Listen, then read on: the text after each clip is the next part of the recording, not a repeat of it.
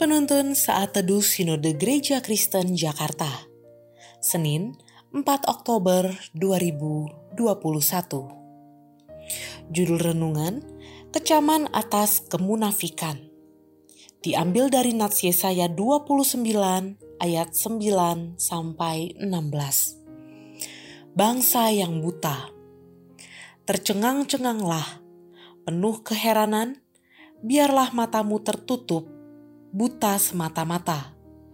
Jadilah mabuk, tetapi bukan karena anggur. Jadilah pusing, tetapi bukan karena arak.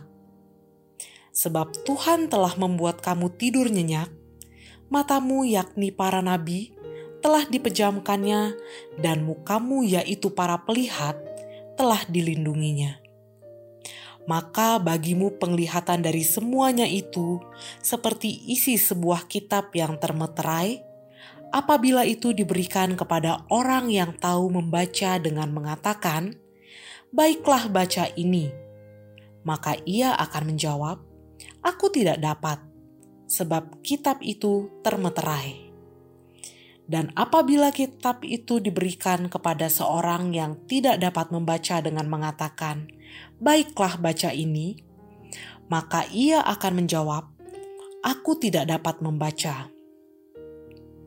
Dan Tuhan telah berfirman, Oleh karena bangsa ini datang mendekat dengan mulutnya dan memuliakan aku dengan bibirnya, padahal hatinya menjauh daripadaku, dan ibadahnya kepadaku hanyalah perintah manusia yang dihafalkan, maka sebab itu Sesungguhnya, aku akan melakukan pula hal-hal yang ajaib kepada bangsa ini, keajaiban yang menakjubkan. Hikmat orang-orangnya yang berhikmat akan hilang, dan kearifan orang-orangnya yang arif akan bersembunyi.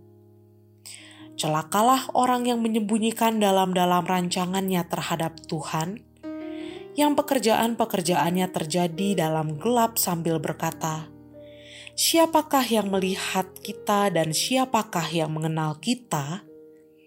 Betapa kamu memutar balikan segala sesuatu. Apakah tanah liat dapat dianggap sama seperti tukang periuk, sehingga apa yang dibuat dapat berkata tentang yang membuatnya? Bukan dia yang membuat aku, dan apa yang dibentuk berkata tentang yang membentuknya? Ia tidak tahu apa-apa seorang penjual emas dapat mengetahui dengan mudah mana emas asli dan emas yang palsu, atau emas yang memiliki banyak campuran dengan mengamati dan melakukan tes. Mereka tentu sudah terbiasa, sehingga tidak akan tertipu untuk melakukan jual beli emas. Emas akan semakin mahal harganya jika memiliki kadar kemurnian tinggi dan sedikit logam campurannya atau perak atau tembaga.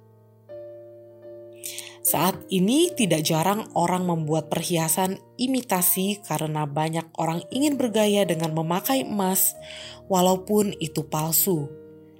Tetapi perhiasan imitasi tidak akan bernilai apa-apa jika kita membawanya ke toko emas.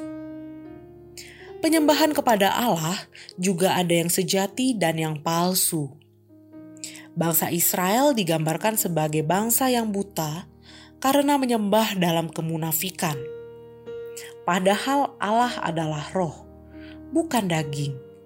Sehingga penyembah harus menyembah dalam roh, bukan dalam kemunafikan.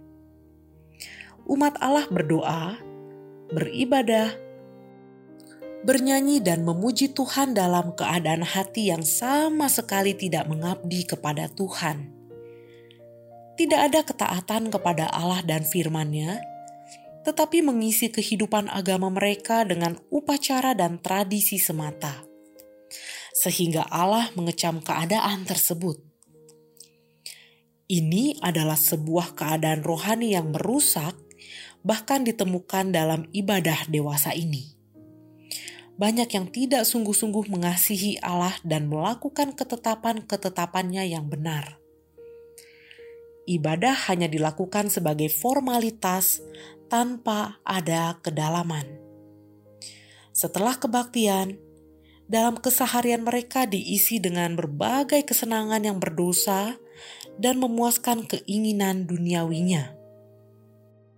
Segala sesuatu yang dilakukan dalam kepalsuan tidak akan berhasil dan bernilai di hadapan Allah. Kita dituntut bukan hanya sungguh-sungguh menyembah, tetapi menjadi penyembah yang sejati. Bagaimana keadaan kita saat ini? Apakah dalam pikiran, perkataan, dan tindakan kita sudah selaras dalam menyembah Tuhan? Tentu kita tidak ingin menjadi orang-orang yang dikecam Allah karena kemunafikan kita. Mari terus taat kepada kebenarannya agar dapat menjadi penyembah yang sejati.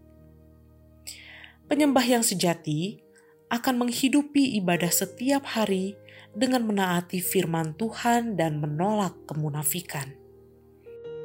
Kiranya Allah menolong kita.